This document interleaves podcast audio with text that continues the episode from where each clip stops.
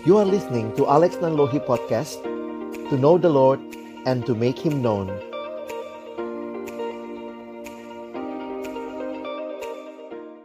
Mari kita berdoa sebelum kita membaca merenungkan firman Tuhan. Bapak Surgawi, kami kembali bersyukur kesempatan hari ini Tuhan berikan bagi kami untuk belajar bersama dari kebenaran firman-Mu dari setiap wawasan untuk mengerti apa yang menjadi visi dan misi pelayanan mahasiswa yang kami kerjakan baik saat ini maupun nanti ketika Tuhan mempercayakan kepengurusan kepada kami. Waktu ke depan kami persembahkan ke dalam tanganmu, Tuhan yang memimpin, baik hambamu yang menyampaikan, setiap kami yang mendengar, juga interaksi di antara kami, kiranya boleh menolong kami pada akhirnya bukan hanya menjadi pendengar-pendengar firman yang setia, tapi mampukan dengan kuasa dan pertolongan dari rohmu yang kudus, kami dimampukan menjadi pelaku-pelaku firman-Mu di dalam kehidupan kami, di dalam masa muda kami. Bersabdalah ya Tuhan, kami anak-anakmu sedia mendengarnya dalam nama Tuhan Yesus Kristus Sang Firman yang hidup. Kami menyerahkan pemberitaan firman-Mu. Amin. Shalom teman-teman, selamat ini macam-macam ya, malam ya, udah malam. Saya bersyukur kepada Tuhan buat kesempatan ini boleh sharing firman Tuhan dengan teman-teman sekalian. Dan topik kita malam hari ini satu topik yang menarik ya. Kita akan bicara tentang bagaimana memahami visi dan misi pelayanan mahasiswa Kristen, visi dan misi PMK, ya. Nah, saya ingin mengajak teman-teman di awal ini kita akan terlebih dahulu coba sharing ya. Nah, Abang kasih satu link, silakan teman-teman bisa masuk ke Padlet ya. Silakan, saya nanti coba copy paste juga uh, linknya. Silakan teman-teman, saya kasih pertanyaan ya. Pertanyaannya lanjutkan kalimat ini atau uh, Seandainya tidak ada PMK di kampus TAN, maka, nah silakan apa yang kalian pikirkan, yang kalian mau tuliskan, silakan ya. Jadi padlet.com, lalu nanti slash alexnanlohi slash pmkstan, atau kalian bisa lihat atau uh, uh, ini ya, scan barcode ini. Oke, okay? saya sudah tulis juga di live chat. Nah, coba abang share hasilnya. Kalau mungkin sudah ada yang mengisi, silahkan ya. Oke, kita bicara seandainya tidak ada PMK di kampus TAN, maka Oke. Silahkan kalau ada yang uh, tidak usah tulis nama, nggak apa-apa ya. Langsung anonim saja, tidak tidak harus uh, login ke Padletnya ya. Thank you. Aku belum bertobat. Saya tidak akan bisa sejauh ini. Oke. Okay. Kita akan tunggu dulu ya. Ini kayaknya banyak yang belum kelar. Tidak akan pernah mendengar suara Bang Alex. Oke. Okay. nggak ada pembinaan sore hari ini ya. Kalau di Pemkastan nggak ada ini ya asik, nggak banyak rapat gitu ya. Oke, silakan teman-teman. Saya masih akan tetap kasar ke semua orang. Saya nggak dapat pengalaman seperti ini. Saya bertumbuh di mana? Saya tidak kenal Tuhan sedekat ini. Saya tidak akan kenal Tuhan sedekat ini. Mungkin saya tidak akan bertumbuh hambar karena tidak ada garam. Oke, ini sangat cepat. Saya juga nggak bisa baca semua ya. Uh, Aku belum bertobat. Sulit punya kawan seiman, nggak bisa bersekutu dengan teman seiman di kampus, begitu ya. Oke. Okay. Gelap karena tidak ada terang. Wow. Aku cuma fokus sama studi. Ya, menarik ya. Aku nggak bakal bersyukur masuk stan. Oke. Okay. Mm -hmm. Saya mungkin mencari jawaban pergumulan di kampus ke teman yang lainnya. Sebentar. Saya tidak tahu uh, tem teman atau tempat lainnya yang belum tentu. Wah. Menurut jalan uh, tidak tahu identitas atau tadi dikatakan ya kalau mungkin cari ke tempat yang lain thank you. Kalah dengan godaan dunia nggak bisa bersekutu bersama teman seiman belum hidup baru kalah dengan godaan dunia saya tidak akan mengenal Tuhan sejauh ini makasih PMK yang Tuhan pakai dan seterusnya oke okay, teman-teman inilah akhir dari sesi kita. Mari kita berdoa ya. Kalian udah ngerti visi sebenarnya ya. Udahlah mau ngapain lagi abang ya. But thank you buat teman-teman yang udah sharing. Uh, saya masih tinggalkan Padletnya, jadi kalian masih bisa akses Padletnya dan kalian masih bisa lihat jawaban-jawaban teman kalian.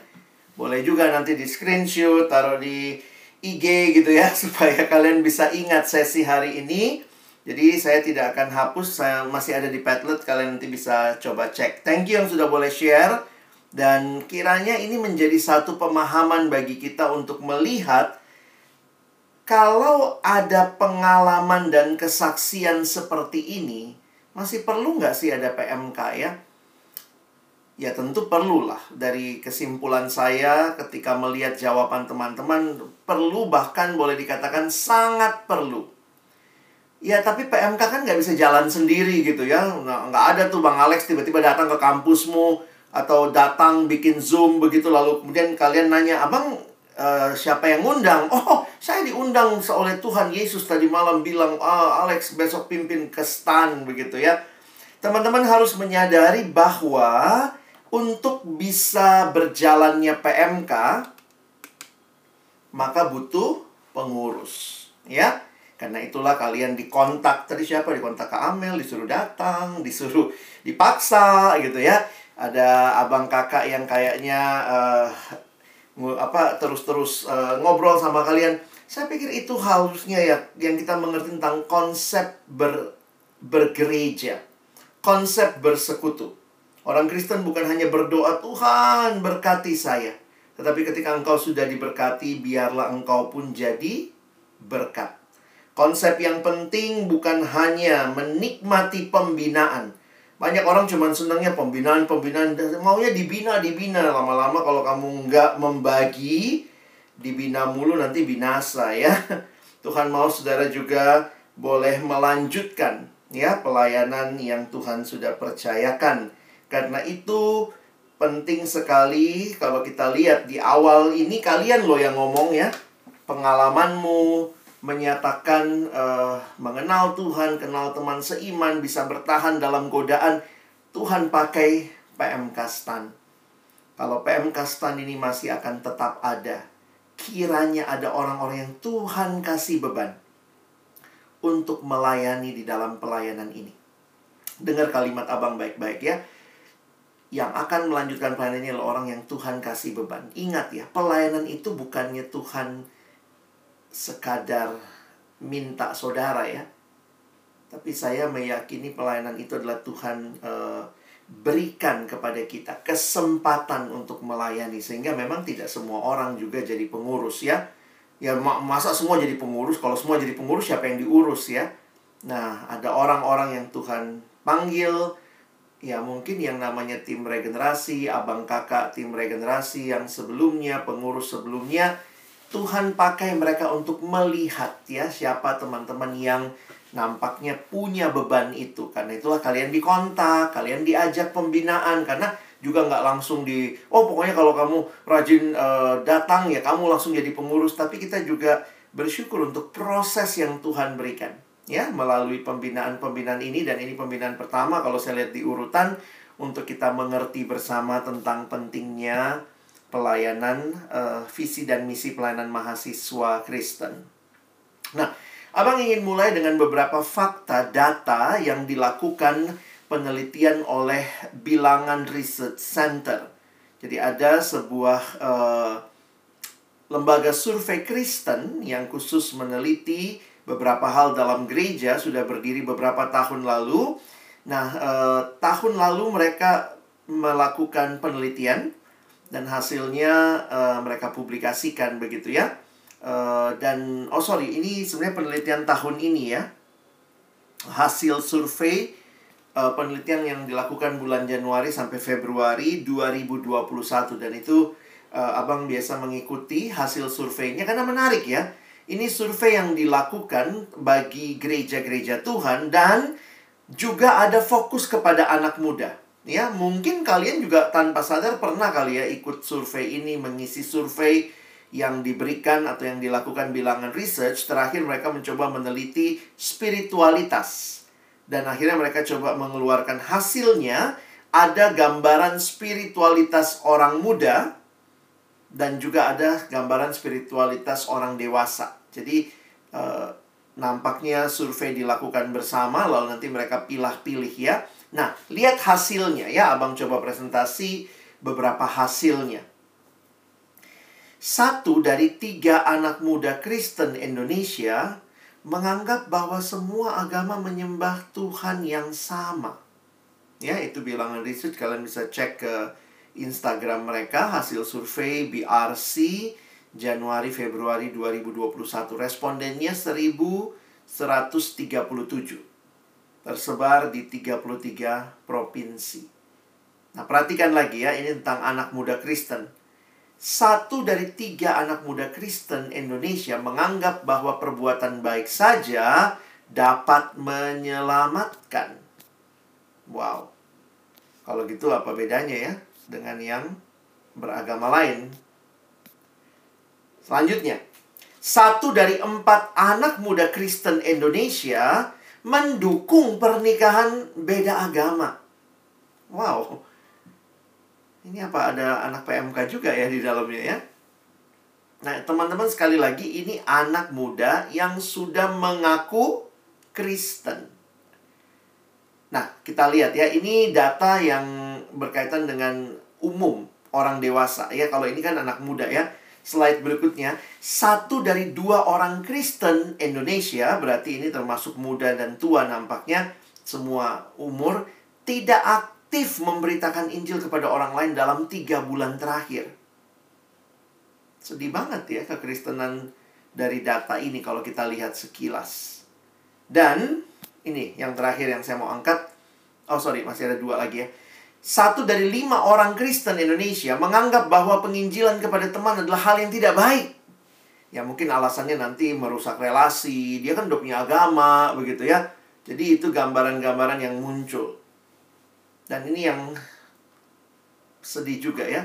Dua dari tiga orang Kristen Indonesia tidak aktif memuridkan orang lain dalam tiga bulan terakhir. Menarik sekali karena saya juga banyak uh, terlibat ikut dalam seminar-seminar BRC. Mereka juga fokus kepada pemuridan. Jadi data-data pemuridan juga mereka coba lihat, coba kumpulkan. Dan ini hasilnya nih dua dari tiga orang Kristen Indonesia tidak aktif memuridkan orang lain dalam tiga bulan terakhir. Tapi ngakunya Kristen gitu ya. Nah teman-teman, saya ingin mengajak kita melihat ya. Jangan dulu deh lihat yang belum Kristen, yang bukan Kristen. Lihat yang Kristen dulu. Datanya ternyata sangat menyedihkan. Kalau ada PMK di kampus, kita mengerti PMK adalah perpanjangan tangan gereja. Kita nggak bisa membedakan memang uh, memang secara khusus gereja tuh ada yang gereja lokal ya yang bersifat institusi tetapi pada dasarnya gereja itu adalah semua orang yang dipanggil Allah keluar dari kegelapan masuk ke dalam terang. Jadi gereja bukan gedungnya tapi orangnya.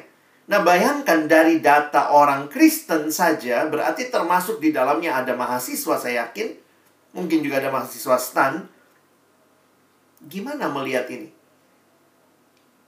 Apa yang Tuhan rindukan ketika ada PMK di kampus? Dalam arti PMK itu adalah gereja Tuhan kan? Gereja yang isinya adalah kumpulan orang-orang percaya. Apa yang harus dilakukan? Sebelum bicara apa yang harus dilakukan, nah kita biasanya bicara visi. Kenapa ada PMK di kampus? Kenapa ada gereja di dalam dunia? Apa sih yang kita inginkan? Nah, kita menghayati bahwa gereja bukan hadir dengan kemauannya sendiri, Tapi kita sangat meyakini gereja adalah milik Tuhan dan Tuhan hadirkan di dalam dunia. Kamu nggak kebetulan Kristen, kamu nggak kebetulan masuk stan, kamu nggak kebetulan juga di stan ada PMK. Nggak kebetulan juga di PMK ini Tuhan panggil kamu jadi pengurus. Tidak kebetulan. Maka kita sekarang bicara visi. Apa visi? Visi itu arti sederhananya melihat ya. Televisi, melihat jauh ya, melihat sesuatu ya dalam jarak yang jauh tapi bisa kita lihat dekat begitu ya. Visi artinya adalah melihat Sebenarnya kalau kita perhatikan di mana-mana sekarang organisasi kemahasiswaan, BEM gitu ya, Senat, itu juga ada visinya ya. Makan masuk ke perusahaan ada visinya. Kalian masuk ke bea cukai, oh ada visinya juga. Kalian masuk ke Menkeu, ada juga visinya di situ. Jadi, visi itu apa? Apa bedanya visi organisasi dunia dengan visi organisasi atau kita bilang ini ya, kita adalah sebuah persekutuan yang dihadirkan Tuhan. Nah, saya mengutip definisi visi yang disampaikan oleh George Barna. Dia mengatakan visi adalah sebuah gambaran masa depan yang sangat jelas. Lihat ya. Gambaran masa depan yang sangat jelas yang Allah komunikasikan kepada para pemimpin pelayannya, itu servant leader, berdasarkan pengenalan yang akurat tentang Allah, diri sendiri, dan lingkungan. Nah, perhatikan gambaran atau definisi yang diberikan ini. Teman-teman, dikatakan visi itu adalah gambaran masa depan yang sangat jelas yang Allah komunikasikan. Saya pikir ini perbedaan yang paling mendasar dengan sekadar organisasi dunia. Biasanya kalau kita mau bikin visi, mau bikin misi organisasi, maka kita melakukan apa? SWOT ya. Eh, kita lihat strength-nya, apa weakness-nya, apa opportunity-nya, apa threat-nya. Tetapi kalau kita melihat itu hanya berdasarkan kondisi yang ada, lalu kemudian berpikir, ah apa yang kita rindukan ke depan. Tetapi visi yang dimaksud di dalam konteks kekristenan itu bukan hanya berdasarkan hasil SWOT. Tetapi ini adalah sesuatu yang Allah sendiri komunikasikan. Allah yang rindu. Dia menyampaikan apa yang menjadi isi hatinya. Kepada siapa? Kepada para pemimpin pelayannya. Nah, dari mana hal itu? Nah, ini didasarkan pada pengenalan akurat tentang Allah, diri sendiri, dan lingkungan. Contohnya, ya Tuhan tidak mau mahasiswa binasa. Siapa yang paling tidak rela mahasiswa binasa? Ya Allah. Dan Allah komunikasikan itu. Dia memberikan visi kepada orang-orang yang akan melanjutkan pelayanan. Ya berdasarkan pengenalan akan Allah, diri sendiri, lingkungan. Jadi teman-teman, visi ini bukan sekadar dari manusia, bukan sekadar hasil rapat SWOT kita, tetapi visi adalah sesuatu yang kita minta kepada Allah dalam doa, ketika Tuhan menyatakan kondisi dan Tuhan memberikan beban yang dalam di hati kita. Jadi ini bedanya ya. Visi organisasi dunia asalnya ya dari dunia. Dari pemimpinnya, dari kondisi anggotanya, dari lingkungannya. Tapi visi Allah, Allah yang komunikasikan. Tentu lingkungan, kondisi diri, sekitar kita, ini akan berpengaruh. Tetapi yang paling penting, Allah yang komunikasikan. Karena itu saya menuliskan begini, visi hanya diterima oleh mereka yang bergaul akrab dengan Allah karena ini pelayanannya Allah. Allah adalah Allah yang memiliki gerejanya, Dia yang punya visi, maka bagaimana menerima visi itu ya kalau kita akrab dengan Allah, kita bergaul dengan Allah, kita hidup di dalam Tuhan. Firman-Nya memenuhi hati kita karena dalam firman Allah berbicara. Waktu-waktu kita berdoa menjadi waktu kita berserah dan memohon anugerah Tuhan, nyatakan kehendakmu. Makanya sebenarnya kalau teman-teman saya dengar ya cerita-cerita dulu ya kalau dengar alumni-alumni generasi pertama yang melakukan perintisan pelayanan mahasiswa, apa yang mereka lakukan waktu masa itu ya? Mereka tuh banyak berdoa Jadi beberapa kampus dirintis dari ya doa mereka minta sama Tuhan nyatakan Tuhan apa yang kau mau lakukan di kampus kami. Mereka berdoa, berpuasa. Saya masih ketemu tuh ya. Saya masih ada di generasi yang uh, intersection, masih ngalamin tuh. Kita bisa doa puasa itu biasa tuh. Lalu kemudian berdoa semalaman ya. Itu itu uh, di generasi saya masih ngalamin tuh ke bawah-bawah biasanya kalau rapat visi misi yang dilakukan rapat ya rapat ngobrol SWOT bukannya salah tetapi hati-hati kita tidak belajar untuk berserah kenapa ini pelayanannya Tuhan minta kepada Tuhan berdoa kepada Tuhan. Tuhan apa yang kau mau nyatakan yang kau mau komunikasikan kepada kami untuk kami lakukan di generasi ini? Karena itu setiap generasi seharusnya mengerti dengan jelas visi Allah. Tentu ada visi yang sudah dituliskan ya karena dalam perjalanan dari generasi ke generasi senior lalu kemudian di generasi tertentu mungkin dibentuk dalam tulisannya didokumentasikan dan itu diturunkan. Ini visi PMK STAN. Tapi ingat baik-baik itu diterima oleh mereka yang akrab bergaul dengan Allah. Sehingga saya harus katakan begini. Ketika Allah memberikan visi misalnya ya 30, 40 tahun lalu kepada alumni-alumni perintis kita Mungkin nggak generasi kamu alami juga visi itu? Mungkin. Ketika engkau dan saya tetap bergaul dengan Allah.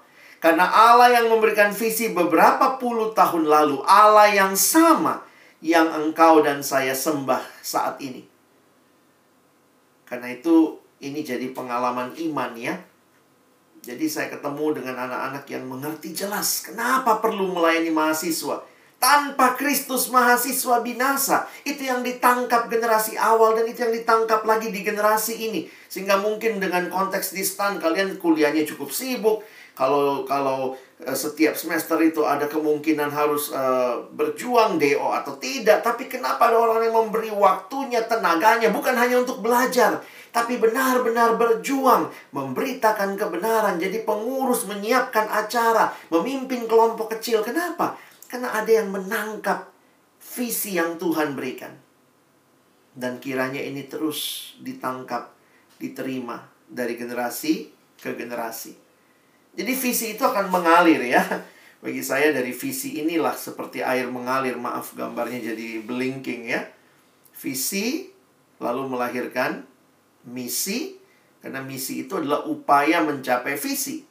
Dan akhirnya nanti bicara strategi. Kalau kita udah bicara strategi, ini udah bicara program, ya. Jadi kadang-kadang saya pikir pembinaan calon pengurus seperti ini ya, ini adalah sebuah upaya mencapai visi.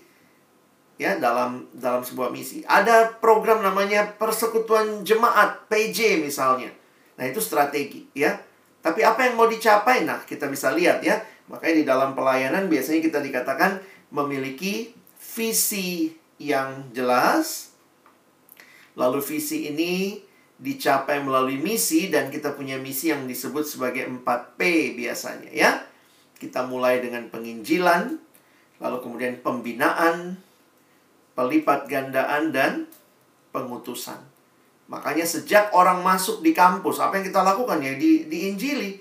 Ada kebaktian penyambutan mahasiswa baru, ada ibadah, ada KKR. Sesudah itu orang itu dibina kita bina, persatuan besar jalan, kelompok-kelompok kecil berjalan. Setelah dibina, mereka dilatih melayani, disiapkan jadi pengurus misalnya seperti hari ini. Disiapkan jadi PKK, itu terjadi pelipat gandaan. Tidak berhenti pada dirinya, tapi melipat ganda. Sekarang kemudian diutus untuk kemudian melakukan pengutusan. Kalau kalian jadi alumni atau sebelum kalian alumni di kampus, kalian diutus lagi untuk melayani adik-adikmu lagi. Sehingga diminta jadi PKK, diminta jadi pengurus untuk melayani generasi selanjutnya. Nah, jadi ini sebuah siklus yang tidak berhenti. Ketika kita menerima visi dari Allah, maka ini yang kita lanjutkan. Nah, jadi teman-teman yang dikasihi Tuhan, sekarang saya mau bicara lebih jauh lagi. Apa sih yang Tuhan mau? Apa yang Tuhan mau untuk mahasiswa? Apa yang Tuhan mau untuk orang-orang percaya? Nah, kita masuk lebih dalam sebenarnya ada di Alkitab. Ada banyak sekali ayat, tetapi ketika saya menggali, saya memikirkan, akhirnya saya menyadari begini ya. Coba kita lihat sebentar. Apa arti Kristen? What is the meaning of Christian? Dalam buku pendeta John Stott Radical Disciple atau murid yang radikal, dia mencoba menggambarkan tentang hal ini. Menarik sekali kalau teman-teman mempelajari kata Kristen. Ternyata kata Kristen di Alkitab kita tuh cuma muncul tiga kali. Dan itu pun munculnya hanya di perjanjian baru. Sekarang kita udah biasa ya didengarnya apa? Kamu orang apa? Orang Kristen misalnya gitu ya. Dalam arti agamanya apa? Oh, agamanya Kristen. Walaupun LAI menerjemahkan kalau kalian cek ya, misalnya kalian googling, LAI itu menuliskan ada tujuh kali kalau nggak salah, tujuh atau enam kali kata Kristen. Tapi sebenarnya dalam terjemahan aslinya cuma muncul tiga kali. Ya, di mana saja yang pertama ini Kisah Rasul 11 ayat 26. Mereka tinggal bersama-sama dengan jemaat itu satu tahun lamanya sambil mengajar banyak orang di Antioquia lah murid-murid itu untuk pertama kalinya disebut Kristen. Perhatikan cara Lukas menulis kisah Rasul ini menyiratkan bahwa nama Kristen nampaknya nama yang diberikan, bukan yang mereka pilih sendiri. Kami Kristen dong, enggak. Tapi nampaknya diberikan karena kalimatnya pasif. Untuk pertama kalinya disebut Kristen. Bahkan dalam penyelidikan lebih lanjut, ini menampaknya adalah sebuah ejekan. Ini sebuah bully. Kalau kita perhatikan ya, dikatakan mereka disebut Kristen. Jadi orang yang hidupnya mirip Yesus ya udah Kristen. Ya, Christian belakangnya kalau pakai ian itu adalah menunjukkan orangnya. Ya, contohnya kayak apa tuh? Anak binus. Anak binus disebut binusian. ya, iannya ya belakangnya. Orang yang mirip Kristus. Kristian gitu ya. Makanya yang punya nama Kristian wah berat itu ya. Memang harus mirip Kristus. Dan uh, saya pernah dengar orang yang mirip Gus Dur cara pikirnya Gus Durian gitu ya. Jadi itu cara kita menghayati istilah Ian di belakang itu menunjukkan kesamaan atau menunjukkan ciri yang bagian sebelumnya. Christian seperti Kristus. Kali yang kedua masih di kisah Rasul, kisah Rasul 26 kali ini ayat 28 di hadapan Raja Agripa ketika Agripa bertanya dan Paulus memberikan pembelaan akhirnya ini kesimpulan Agripa hampir-hampir saja kau yakinkan aku menjadi orang Kristen.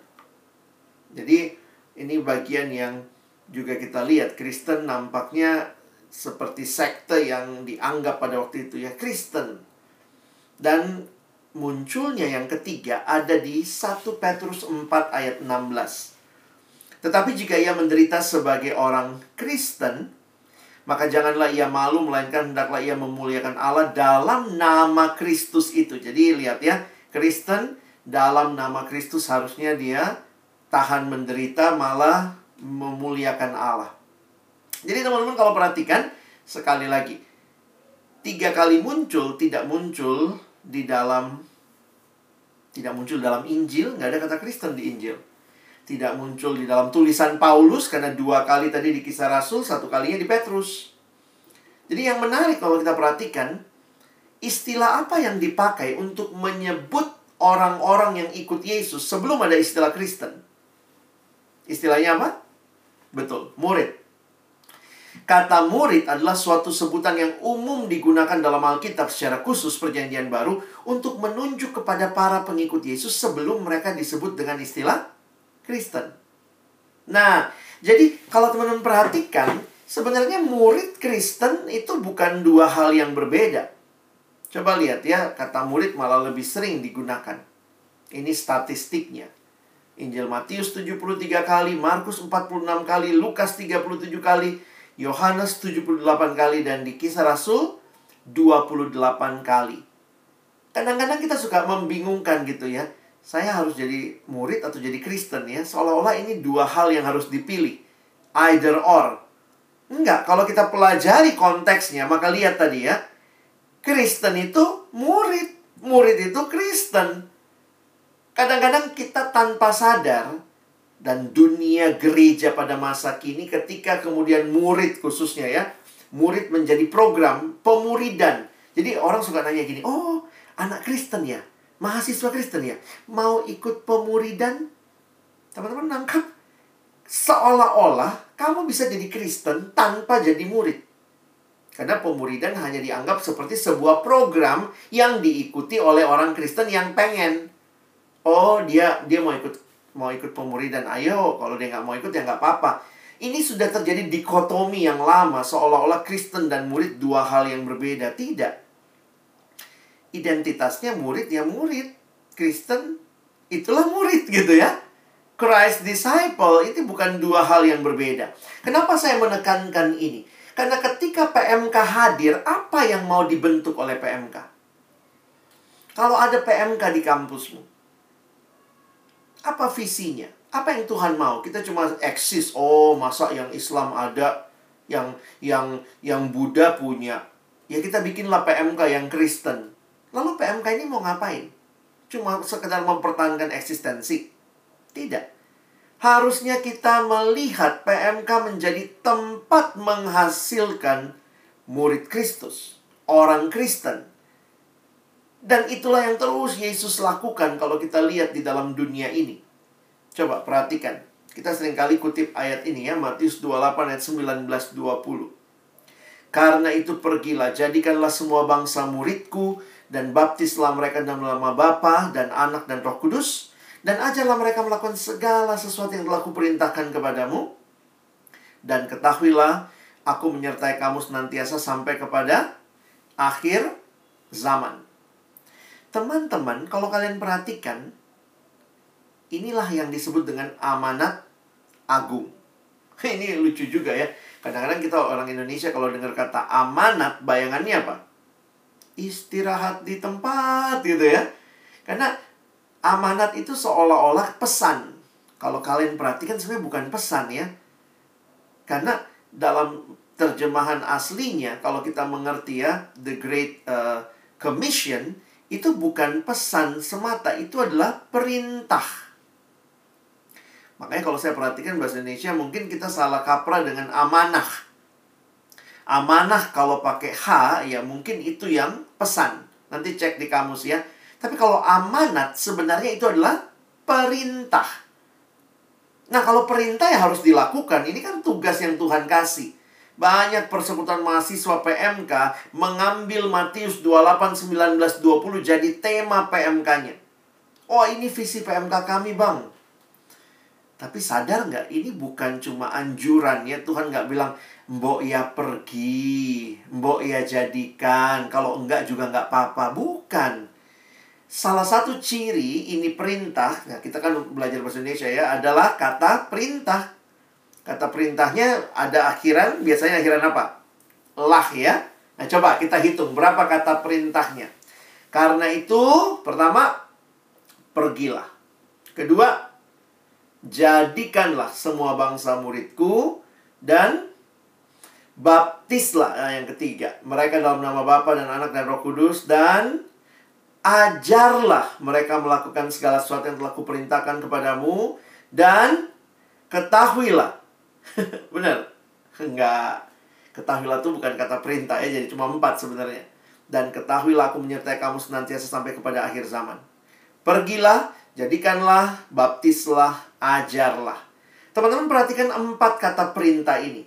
Sebenarnya kalau kita mengerti bahasa asli Alkitab Perjanjian Baru, bahasa Yunani, kalian bisa melihat strukturnya sebenarnya cuma satu kata perintah utama tiga kata perintah yang lain memberikan arah kepada perintah yang utama itu.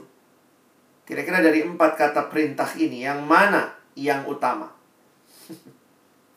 ya, banyak yang udah nebak ya. Yang utama tuh sebenarnya ini. Jadikanlah murid bagiku dari semua bangsa. Sebenarnya demikian terjemahan yang lebih tepat ya. Make disciples of all nations Jadikanlah murid bagiku dari semua bangsa. Ini perintah yang Tuhan kasih. Lalu tiga perintah yang lain bagaimana? Nah ini, kedudukannya seperti ini ya. Ini kata perintah keterangan sebenarnya. Ketika kamu pergi, apa tujuannya pergi? Bukan jalan-jalan menjadikan murid. Apa tujuannya mereka membaptis, menjadikan murid? Apa tujuannya mengajar, menjadikan murid? Jadi kalau kita perhatikan kerinduan besar Tuhan adalah menjadikan murid. Maka kalau kita ber-PMK, PMK ini adalah mendapat visi dari Tuhan. Apa sih visinya Tuhan? Tuhan mau apa sih? dengan gerejanya, ya hasilkan murid. Gereja itu bukan cuma bangun gedung, gereja itu bukan cuma nambah-nambah anggota gitu ya. Kita nggak disuruh untuk membership, kita dipanggil untuk discipleship. Nah itu yang Tuhan kasih. Sehingga Christianity without discipleship is always Christianity without Christ. Bayangkan kalau Kristen nggak ada Kristusnya, sedih banget. Itu seperti kekristenan tapi nggak menolak discipleship. Kalau PMK hadir, tujuannya apa? Untuk menghasilkan murid.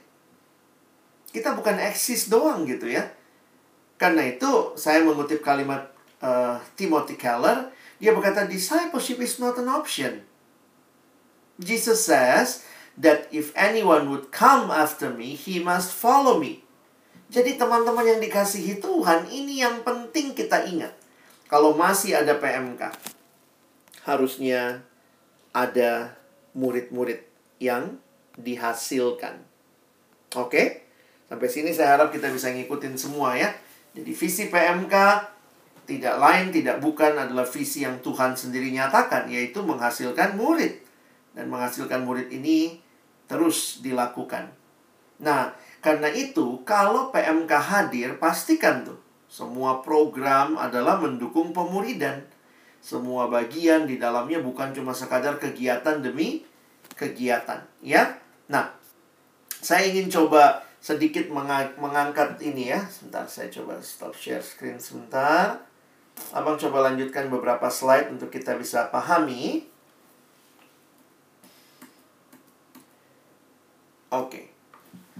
Nah, sekarang kita coba lihat ya apa yang dilakukan.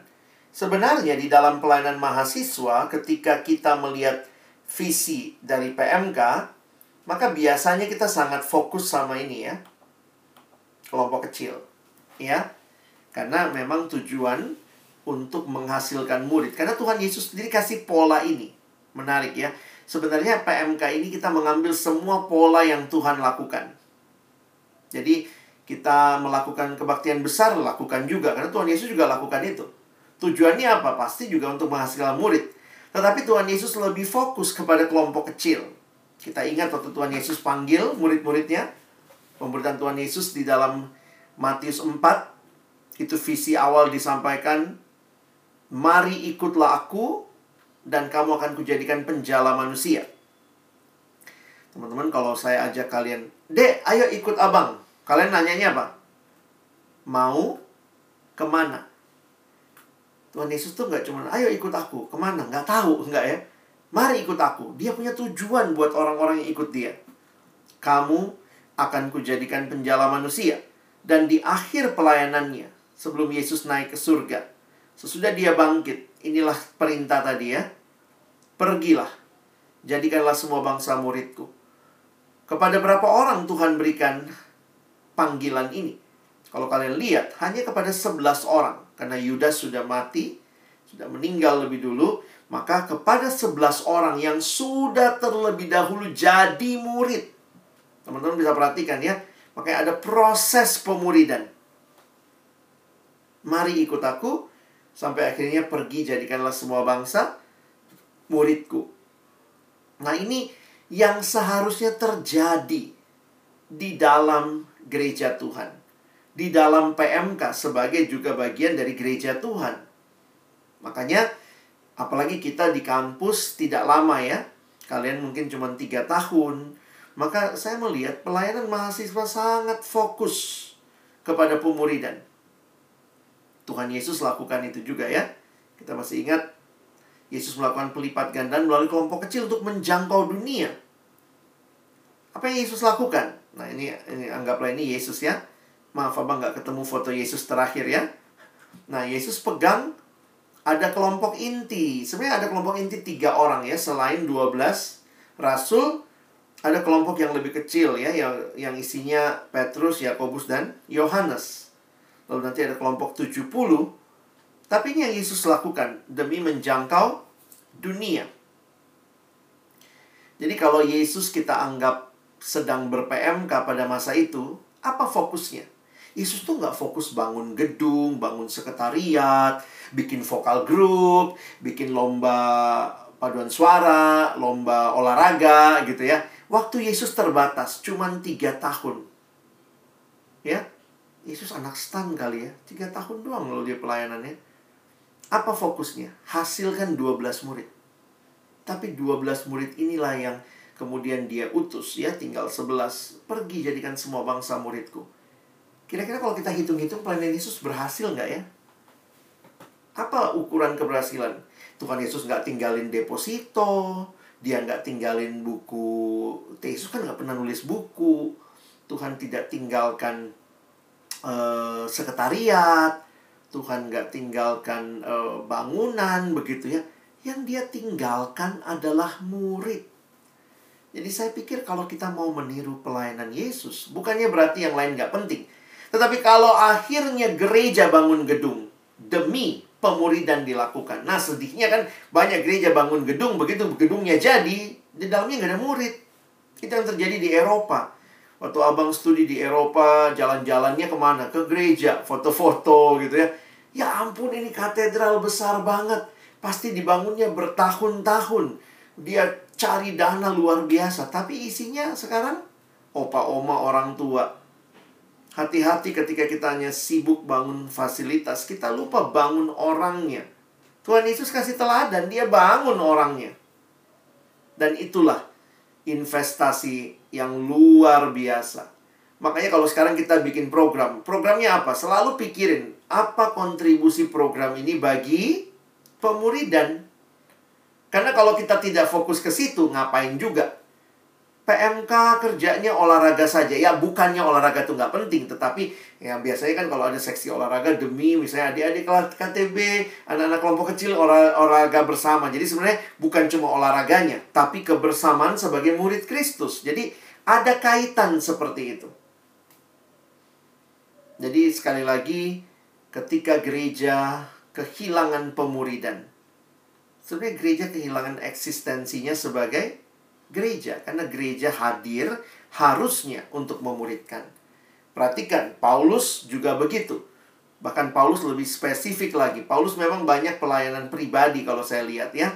Kalau Yesus kan kelompok, tapi pelayanan pribadi ataupun kelompok tujuannya sama, yaitu pemuridan. Makanya Paulus katakan di 2 Timotius 2 ayat 2, apa yang telah engkau dengar daripada firman banyak saksi, percayakanlah itu kepada orang-orang yang dapat dipercayai, yang juga cakap mengajar orang lain. Di benak Paulus di ayat yang singkat ini, lihat cuma satu ayat ya. Tapi di benak Paulus ada berapa generasi? Coba kita lihat. Maaf, abang sekali lagi nggak ketemu foto Paulus yang terakhir ya. Anggaplah ini Paulus. Ini Paulus, lalu kemudian ada Timotius apa yang kau dengar daripadaku di depan banyak saksi, percayakanlah itu kepada orang-orang yang dapat yang cakap mengajar, yang dapat dipercaya, yang cakap mengajar, yang juga cakap mengajar orang orang lain. Bayangkan ayat yang singkat 2 Timotius 2 ayat 2. Di benak Paulus waktu bicara ini ada empat generasi. Hebat ya. Jadi Paulus memastikan, bukan memastikan program saja, tapi ketika program dilakukan, ada murid yang dihasilkan, sehingga kita mengerti bahwa visi utama adalah menghasilkan murid, yaitu murid yang kembali memuridkan. Jadi, abang juga berharap mendengar gini ya, sekarang PMK karena lagi pandemi juga memang sih kebaktian-kebaktian besar kita jalan, tapi yang sedih tuh banyak kelompok kecil nggak jalan kalau memang kita masih seperti ini setahun ke depan, saya harap kita fokus benar-benar untuk menghidupkan kembali kelompok-kelompok pemuridan. Ya, mungkin sekarang kayaknya sulit begitu, tapi abang lihat ya ini kita menjadi bagian yang harus terus kita lakukan. Kalau kita kehilangan murid, sebenarnya kita kehilangan gereja Tuhan. Kalian ke depan ini kan juga cuma satu angkatan pengurusnya ya. Nah, kita nggak tahu nih nanti gimana ke depan penerimaannya dan seterusnya. Tapi paling tidak, pastikan pemuridan tetap berjalan. Karena apa? Jangan cuma pikirkan generasimu. Wah, di generasi kami bagus banget, kepengurusannya bagus banget. Paulus di benaknya ada empat generasi yang dia pikirin. Dirinya, Timotius. Jadi bagi saya, wow, Paulus padahal itu surat terakhir, itu surat perpisahan. Tapi di dalam benaknya, Injil tidak berhenti di generasinya. Nah, jadi saya berharap sekali melalui pemahaman ini, teman-teman makin tajam ya. Apa sih sebenarnya tujuan kehadiran PMK? Supaya melaluinya ada murid Kristus yang dihasilkan, yang kembali memuridkan. Sehingga akhirnya visi Allah supaya manusia boleh kenal Kristus, mahasiswa boleh kenal Kristus, terus terjadi di dalam pelayanan ke depan. Abang berhenti sampai sini. Uh, ada waktu buat kita nanti diskusi dan tanya jawab. Saya persilakan. Uh, terima kasih Bang Alex untuk sharingnya. Nah, sekarang teman-teman, kalau teman-teman ada yang punya pertanyaan, boleh raise hand atau langsung open mic aja.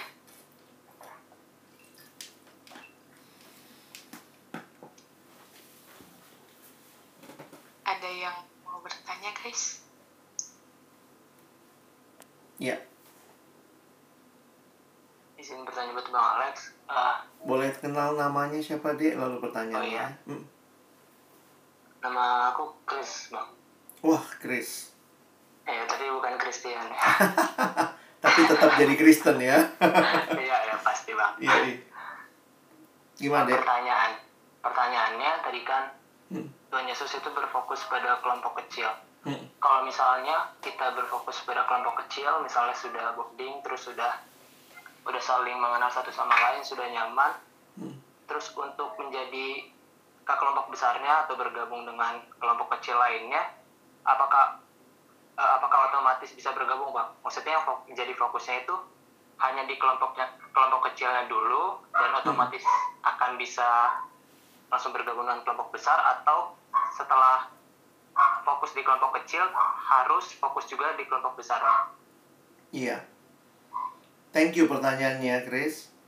Em, kalau saya melihatnya begini ya, teman-teman mungkin kita perlu memahami pemuridan itu tidak identik dengan hanya kelompok kecil. Saya menghayati bahwa seluruh pelayanan Yesus fokusnya adalah menghasilkan murid. Ya. Jadi kalau kita perhatikan ya fokus pelayanan Yesus kan menghasilkan murid. Cuma memang kita perhatikan bahwa Yesus melakukan pemuridan melalui berbagai cara. Nah, saya melihat ada tiga cara utama. Pertama, yaitu pelayanan pribadi. Yang kedua, pelayanan kelompok kecil. Yang ketiga, pelayanan massal. Jadi, teman-teman, kalau kita pikir-pikir, ya jangan kita tidak makanya kalau kalian perhatikan kita ber-PMK ya, kita tuh ambil pola itu. Betul, Tuhan Yesus fokus kelompok kecil. Makanya lihat, biasanya masalah istilah ya. Kita mengatakan apa? Kelompok kecil itu tulang punggung persekutuan. Oke? Tetapi kalau kalian perhatikan, kita tidak hanya berkelompok kecil, kita bikin kebaktian besar. Karena di dalam kebaktian yang besar itu juga kita melihat Tuhan juga melakukan atau membangun murid melalui itu. Sehingga akhirnya kalau kita perhatikan bisa juga eh, misalnya begini. Tidak semua PKK sekolah teologi ya misalnya. Tapi anak-anak adik-adik kelompokmu butuh tahu doktrin Allah ya. Udah itu didapatnya di mana? Bukan di kelompok kecil. Tapi lewat PJ misalnya ya. Di PJ kalian undang pembicara yang punya latar belakang, pemahaman. Sehingga bagi saya kelompok kecil dan kelompok besar tidak saling meniadakan. Tetapi saling melengkapi. Tetapi memang kalau saya bicara fokus maka saya mengatakan kelompok kecil itu makanya istilahnya tulang punggung persekutuan. Tetapi tetap butuh pelayanan kelompok besar bagi saya iya. Karena ada materi-materi yang tidak didapat di dalam kelompok kecil saja. Lalu butuh nggak perhatian pribadi, pelayanan pribadi? Ya penting juga. Contohnya ya, waktu Tuhan Yesus, Tuhan Yesus tuh layanin juga loh orang secara pribadi ya. Kayak perempuan Samaria yang dia ketemu di pinggir sumur. Tuhan Yesus nggak bilang gini, eh nggak boleh. Daftar dulu kelompok kecil sama Petrus, baru boleh ngomong sama saya. Nggak gitu. Nikodemus juga nggak daftar kelompok kecil dulu ya. Jadi saya kadang-kadang berpikir begini, bisa jadi memang Tuhan juga percayakan kepada kamu uh, uh, teman-teman yang yang bisa kamu layani pribadi. Makanya kalau kalian lihat contoh abang tadi, saya melihat memang kelompok kecil itu paling efektif. Tetapi ada teladan juga loh di Alkitab. Misalnya Paulus sama Timotius. Itu pelayanan pribadi atau kelompok kecil. Kita suka bilang, Timotius itu anak kelompok kecilnya Paulus. Betul sih. Tapi pertanyaannya, ini terjadinya dalam kelompok atau jangan-jangan secara pribadi? Saya kok lebih ngelihatnya itu pribadi ya. Ada yang bilang, siapa teman kelompok kecilnya Timotius? Coba, kalian bilang siapa? Ada yang bilang, iya Titus bang. Kenapa? Karena kitabnya deket, kau pikir teman kelompoknya. Enggak gitu ya. Nah, jadi bagi saya menarik begini. Ketika kita fokus kepada kelompok kecil, bukan berarti kita meniadakan yang lain. Abang kasih satu contoh lagi ya.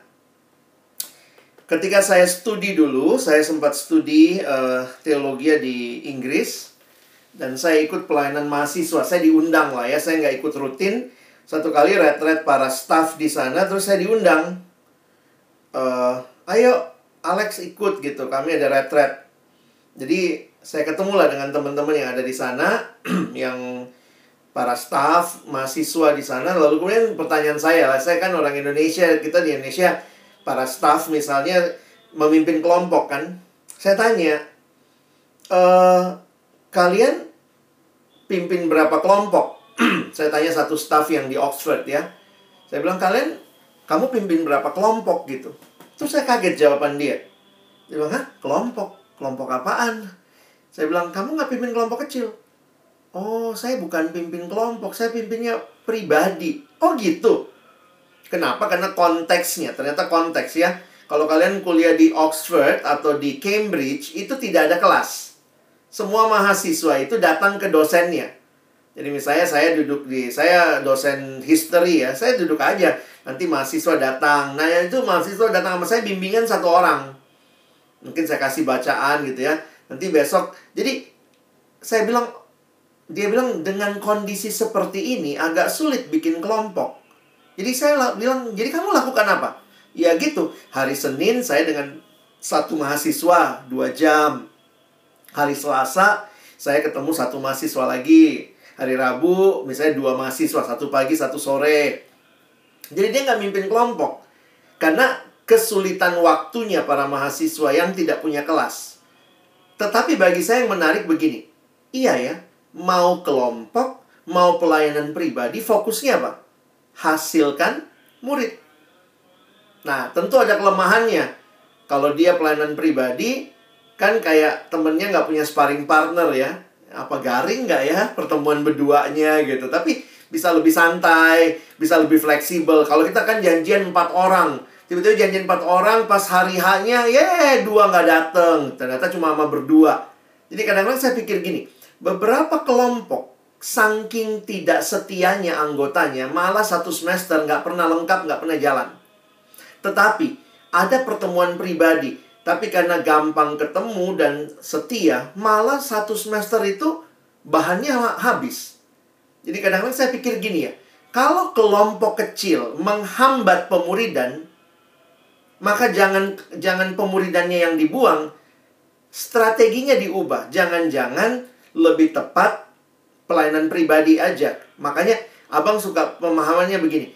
Kalau masih bisa kelompok, perjuangkan kelompok.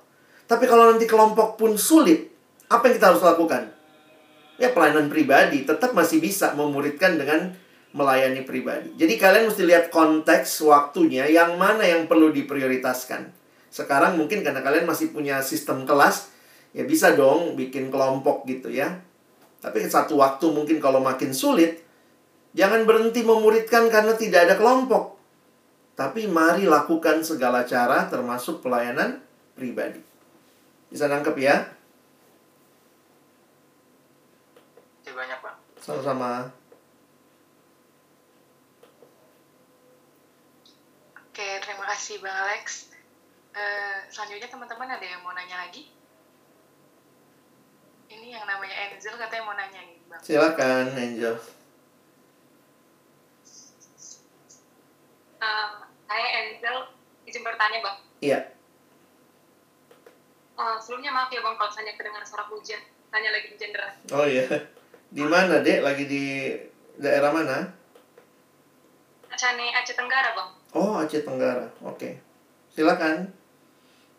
Uh, jadi pertanyaan saya, tadi kan salah satu misi pelayan itu penginjilan kan bang. Iya. Nah, bagaimana cara kita membentengi diri dalam hal penginjilan kepada orang-orang yang belum mengenal persekutuan itu bang, ataupun Hmm. bahkan belum mengenal Tuhan? Pasti kan ada kemungkinan mengalami penolakan. Jadi Hmm. bagaimana cara kita untuk membentengi diri bang? Iya. Ya, thank you ya pertanyaannya itu eh, satu hal yang penting ya karena kita di pelayanan mahasiswa kan sebenarnya bagaimana menghasilkan murid ya orang itu mesti kenal Tuhan. Makanya kita lakukan biasanya penginjilan pemuridan itu kayak dua kunci utama kita ya. Makanya kalian juga di kampus eh, melakukan dua hal itu sebagai pengurus. Kita pastikan program-program kita juga mengarah kepada penginjilan dan pemuridan. Nah Memang kalau bicara penginjilan kita tidak bisa tutup mata bahwa itu bukan hal yang mudah tetapi juga bukan hal yang terlalu sulit. Jadi kadang-kadang saya harus ingatkan buat kita sekalian sering kali itu menjadi sulit. Pertama ya kita mesti periksa kita punya beban nggak? Karena beban itu sebenarnya yang menolong kita mengatasi kesulitan. Kayak contohnya begini ya ketika mungkin eh, orang tua kita sakit karena kita sayang banget sama dia maka kita akan berjuang apa pun gitu nah sebenarnya kita mesti bertanya juga kita punya kasih yang dalam nggak untuk jiwa-jiwa yang terhilang sehingga apa pun kita akan perjuangkan supaya mereka kenal Tuhan nah tetapi juga saya yakin Tuhan kasih hikmat sama kita jadi Misalnya ada yang nanya, Bang, dia dideketin jauh, nolak gitu. Sampai kapan saya harus terus berjuang untuk dia? Saya pikir sih Tuhan kasih kamu hikmat, kamu gumulkan, sampai sejauh mana. Ada juga orang yang tetap Tuhan kasih beban. Jadi, walaupun, ah saya udah nggak mau kontak dia bang. Tapi kok kok masih kontak? Iya nggak tahu bang, nggak hilang beban itu di, dari Tuhan di hatiku. Nah, jadi saya pikir yang pertama memang masalah hati ya. Kita punya kerinduan nggak? Dan juga selalu ingat hikmat Tuhan. Lalu yang kedua, selain masalah hati adalah masalah cara. Jangan-jangan cara kita juga mungkin nggak tepat. Nah ini, kalau masalah cara maka kita perlu juga untuk belajar. Belajar beberapa strategi penginjilan. Dan di situ menolong akhirnya kita bisa mengkomunikasikan dengan baik kebenaran. Nah, tapi yang ketiga bagi saya juga ini yang termasuk penting adalah nyatakan kasihmu. Kadang-kadang dia mungkin masih menolak. Masalahnya begitu, ketika dia menolak atau apa, bagaimana kita? Kita masih belajar nggak mengasihi dia? Kita masih belajar nggak? Jadi jangan sampai begini, ya saya mau berteman sama dia karena saya mau menginjili dia. Kalau dia udah nggak mau dengar Injil, ya udahlah saya nggak mau teman sama dia. Berarti persahabatan yang kita bangun nggak tulus. Nah, jadi kalau ditanya tadi kayak gimana Bang kita membentengi ya pasti kamu kita mesti tahu dong iman kita ya. Tetapi di sisi lain yang kadang saya lihat ya uh, sebentar, Abang ada satu satu pemahaman yang saya juga belakangan ini lagi coba pikirkan karena uh, kita sering kali melihat penginjilan juga cuma sebagai program sih. Jadi itu yang mungkin perlu juga kita benahi ya. Lihatlah penginjilan sebagai bagian hidupmu yang menyaksikan Tuhan. Jadi bukan hanya program. Uh, sebentar ya, saya cari. Mudah-mudahan saya ketemu filenya. Abang ngelihatnya gini ya. Belajarlah untuk berbagi kisah. Mungkin itulah mulainya dari situ ya. Kalau saya nggak ketemu filenya nggak apa-apa ya. Tapi berbagi kisah itu begini teman-teman. Apa yang kamu alami dengan Tuhan, belajar menuliskannya. Nah itu kemudian jadi cerita yang akan bisa juga membawa orang mengenal Tuhan juga tanpa sadar di dalam hidupmu ya. Nah, ini saya kasih gambarnya. Sebenarnya kalau kita memahami penginjilan secara sederhana, kalau kita yakin Tuhan bekerja, maka sebenarnya ada tiga cerita yang overlapping. Ceritaku dengan Tuhan, cerita Tuhan dengan orang itu, other story. Nah, bagaimana jadi sebenarnya kalau orang nanya penginjilan itu apa? Apakah kita mengkristenkan orang? Bagi saya bukan itu poinnya. Poin utama adalah engkau menceritakan ceritamu bersama Tuhan supaya orang itu pun bisa melihat hidupnya dan ceritanya dalam terang dirinya dan Tuhan. Jadi kadang di sini jadi titik pentingnya ya, bukan untuk memaksa orang pindah agama, tetapi membawa dia melihat apa yang Tuhan lakukan buat hidupnya. Nah, jadi di sini akhirnya kan butuh relasi, butuh berteman. Jadi kadang abang pikir gini ya, sering kali orang langsung membentengi diri karena kita langsung masuk, kau mau percaya Yesus nggak? Kalau nggak, kau mati masuk masuk neraka kau ya. Tapi kalau kita bisa ceritakan hidup kita ya, misalnya, ih aku seneng banget ya, nilai udah keluar nih. Wah, aku sendiri yakin sih bahwa berapapun nilaiku ya Tuhan mengasihiku. Jadi bukan Tuhan mengasihiku nggak tergantung nilaiku. Kenapa? Karena pengenalanmu akan Tuhan menolong kamu bisa melihat hidupmu, melihat nilaimu. Jadi jangan, aduh nilaiku jelek, aku bakal terancam ini, udahlah bunuh diri. Nah, mungkin banyak orang yang lagi begitu kali ya, dengan nilai yang keluar, ketakutan, segala macam. Harga dirimu nggak tergantung nilaimu. Itu pengalamanmu dengan Tuhan kan? Nah, coba belajar menyaksikan pengalamanmu itu. Jangan-jangan ada orang yang sedang bergumul dengan dirinya karena nilainya jelek. Lalu kemudian, ah udahlah, aku Tuhan gak baik sama hidupku. Jadi kesaksian kita sebenarnya bisa dipakai Tuhan untuk membawa dia melihat hidup dia dengan Tuhan. Dan bagi saya itu yang perlu kita bangun. Makanya yang sangat bagi saya yang menarik adalah belajar untuk menceritakan kisahmu kalau abang training penginjilan, saya sering kali cuman gini, apa kisahmu? Di mana Tuhan dalam kisahmu? Ceritain aja itu. Teman-teman tahu apa yang terjadi? Seorang teman, hanya karena dia tuliskan status WA-nya. Di status WA-nya, eh, WA sama IG ya, dia cerita tentang status di status IG-nya cerita tentang bagaimana Tuhan baik dalam hidupnya walaupun pengalaman yang dia alami mungkin buruk. Ternyata ada teman yang baca. Lalu dia ngeliat, kok dia bisa ya? Lalu dia kasih reaction. Dia kasih reaction, lalu kemudian yang satu bilang, eh, thank you ya, udah respon ya. Gimana? Ada nggak ceritamu yang kau alami? Jadi jangan pikir menarik ya, ini generasi yang suka cerita. Makanya buat kalian WA bikin WA story, IG bikin IG story, pakai untuk bercerita tentang siapa Tuhan apa. Penginjilan bukan berarti kita menyampaikan oke, okay, pertama, semua manusia berdosa, kau berdosa. Jadi kadang-kadang kita penginjilan itu seperti sedang menyampaikan kuliah. Sampaikan cerita hidupmu, apa yang kau alami dengan Tuhan. Nah, mungkin itu resonate dengan cerita orang lain bawa dia sama Tuhan.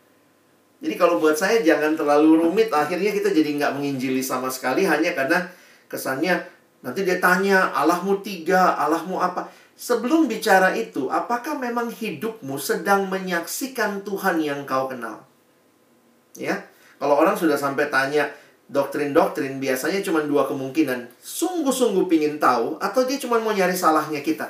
Kalau cuma mau nyari salah, jangan diladenin sih sebenarnya. Capek kita apa pun yang kita bilang pasti kita salah gitu.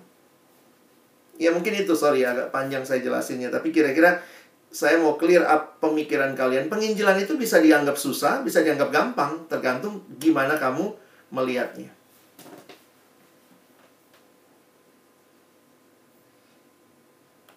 Makanya story kita jangan makan apa, makan apa, cuma ini makanan aja isinya ya.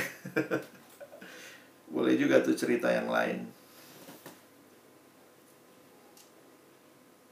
Oke, Bang Alex, terima kasih.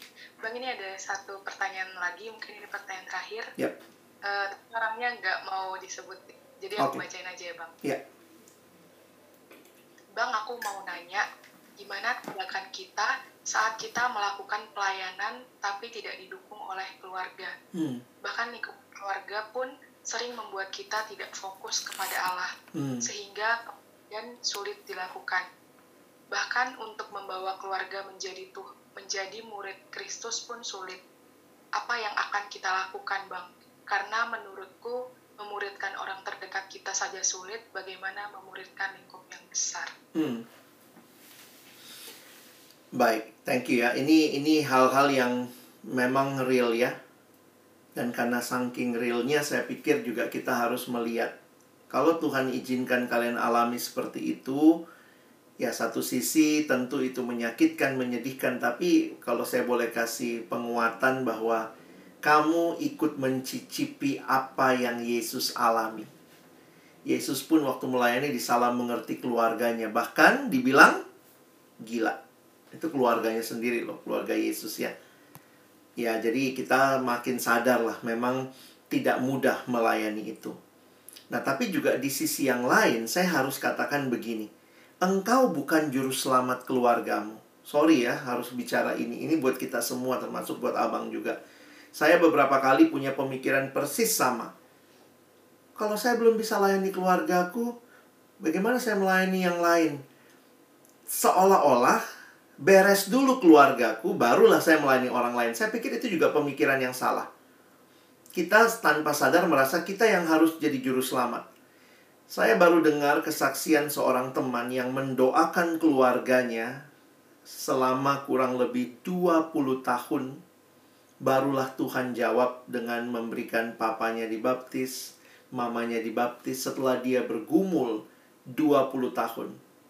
Dan dia dari keluarga, kalau teman-teman mungkin kalian ini ya, mirip kayak saya. Keluarga Kristen, tapi Kristen nggak sungguh-sungguh.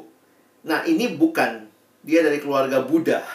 Dia jadi Kristen, adiknya, kakaknya. Jadi orang tuanya tuh baru jadi Kristen setelah 20 tahun kemudian.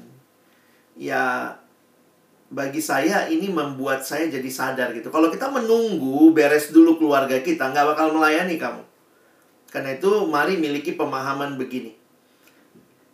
Bukan berarti kita melalaikan tanggung jawab kita kepada keluarga, tetapi dalam situasi-situasi tertentu, apalagi kalau kalian harus merantau, kadang-kadang kita hanya sanggup mendoakan. Saya kadang-kadang berapa kali waktu saya kuliah saya harus merantau, ya saya cuma bisa mendoakan keluarga saya.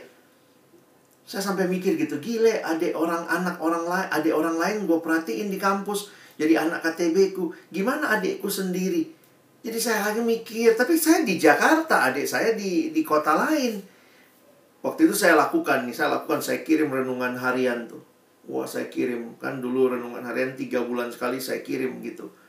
Tapi selebihnya waktu itu nggak ada HP, nggak ada apa. Gimana? Jadi akhirnya saya kayak tertekan gitu ya. Seolah-olah saya juru selamat adik saya. Sampai akhirnya Tuhan kayak ingatkan begini.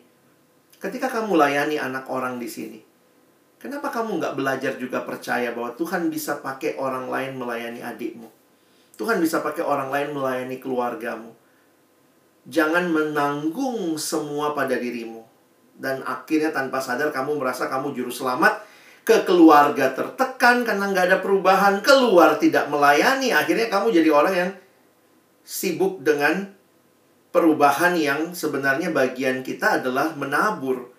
Bagian memberikan per- perubahan pertumbuhan itu bagian Tuhan. Jadi setia aja lakukan bagian kita. Jadi kalau kamu sudah berjuang buat keluargamu apa yang kamu bisa lakukan? Doakan dengan rutin Eh, ya hadir bisa kasih nasihat kapan dibutuhkan. Belum ada perubahan terus doakan. Terus bagaimana? Tetap terlibat pelayanan. Kalau mereka tidak mendukung bagaimana? Nah, saya harus ingatkan juga ya, tidak semua dukungan kita butuhkan untuk jalan. Kadang-kadang kita juga mesti belajar ya bahwa ketika semua tidak mendukung tapi memang itu kehendak Tuhan, kita harus berani melangkah. Nah, mungkin di sini dibutuhkan hikmat ya, Dek. Hikmat untuk belajar memilih dan memilah. ya tentu tidak mudah ya. Saya nggak bisa bayangkan juga gimana kasusmu case by case itu akan sangat sulit. Seorang teman ada yang tanda kutip awal-awalnya bohong dia.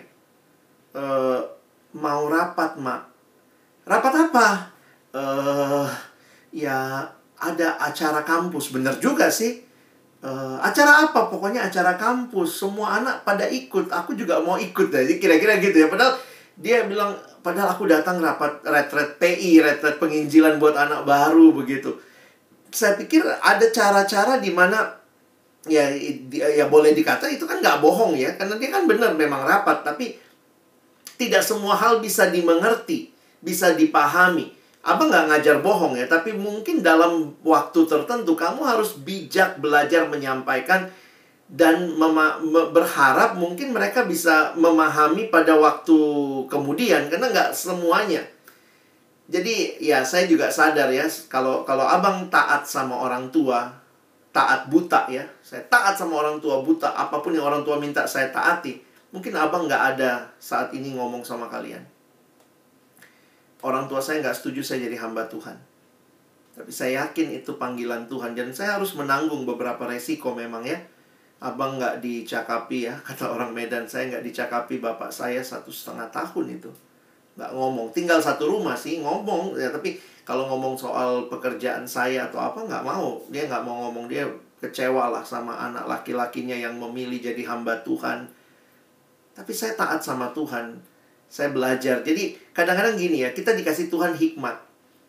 Taat buta sama orang tua belum tentu itu kehendak Tuhan. Orang tua nggak setuju, saya berhenti melayani. Apa itu memang pilihannya?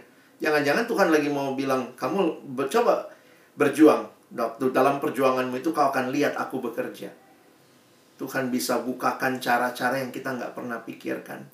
Nah, jadi buat teman-teman yang sedang di, mengalami pergumulan, ya berhikmatlah, lihat bagaimana Tuhan pimpin kamu ya dan uh, saya hanya bisa menyaksikan ketaatan kepada Tuhan awalnya mungkin sulit tapi akhirnya indah. Ya dan saya nggak tahu kalian ada di tahap mana sudah di akhir atau masih di awal nih. Nggak dicakapi orang tua sendiri tuh rasanya gimana ya? Sedih miris gitu ya. Tapi ada penghiburan ya akhirnya papa saya dengar dari tetangga. Wah tadi Alex melayani di sekolah anak saya. Oh gitu ya? Akhirnya kayak papa saya pulang dan dia bilang, kau tadi melayani di anak di sekolahnya anaknya om ini ya? Iya pak. Wah dari situ kami mulai ngobrol lagi. Dia mulai-mulai adalah bangganya sedikit anaknya dikenal orang gitu ya. Namanya orang tua ya. Kau dari kampus terbaik di Indonesia gitu ya. Maksudnya Universitas Indonesia kan pakai nama Indonesia. Kenapa sekarang jadi hamba Tuhan? Buat dia nggak masuk pikiran dia gitu. Tapi kemudian saya sadar, iya ya, kalau semua masuk pikiran dia, ya saya nggak mungkin ada di sini gitu. Ya, jadi cara Tuhan indah, kalian harus belajar peka dan taat. Karena itu relasi sama Tuhan, jangan ditinggalkan. Ya, ya mungkin itu yang baru abang bisa sampaikan. Thank you. Terima kasih banyak bang. Uh, nanti kalau teman-teman masih ada pertanyaan lain, mungkin bisa melalui uh, pengurus. Boleh. Dan disampaikan ke bang Alex. Oke bang, uh, boleh tutup dalam bang. Baik, mari kita berdoa ya. Tuhan, terima kasih buat malam hari ini. Terima kasih buat setiap kebenaran firman, setiap sharing, setiap wawasan yang kami terima. Kami tahu Tuhan mau kami melayani. Tetapi di mana dan bagaimana tantangan apa yang kami hadapi itu berbeda-beda bagi setiap kami. Tapi kami mohon di dalam ketaatan kepada Tuhan kami boleh berserah sehingga pada akhirnya kalau kami menjawab iya untuk panggilan pelayanan ini kami bukan menjawab iya kepada tim regenerasi kepada tadi Kak Amel kami tidak menjawab iya kepada abang kakak yang kontak-kontak kami terus. Tapi kami menjawab iya karena kami tahu Tuhan punya rencana dan karena itu kami mau memberi diri terlibat dalam rencanamu yang agung. Membawa murid-murid bagi kemuliaan namamu. Tuhan terima kasih. Tolong kami pada akhirnya. Bukan cuma jadi pendengar, tapi jadi pelaku firman. Dalam nama Yesus kami berdoa. Amin.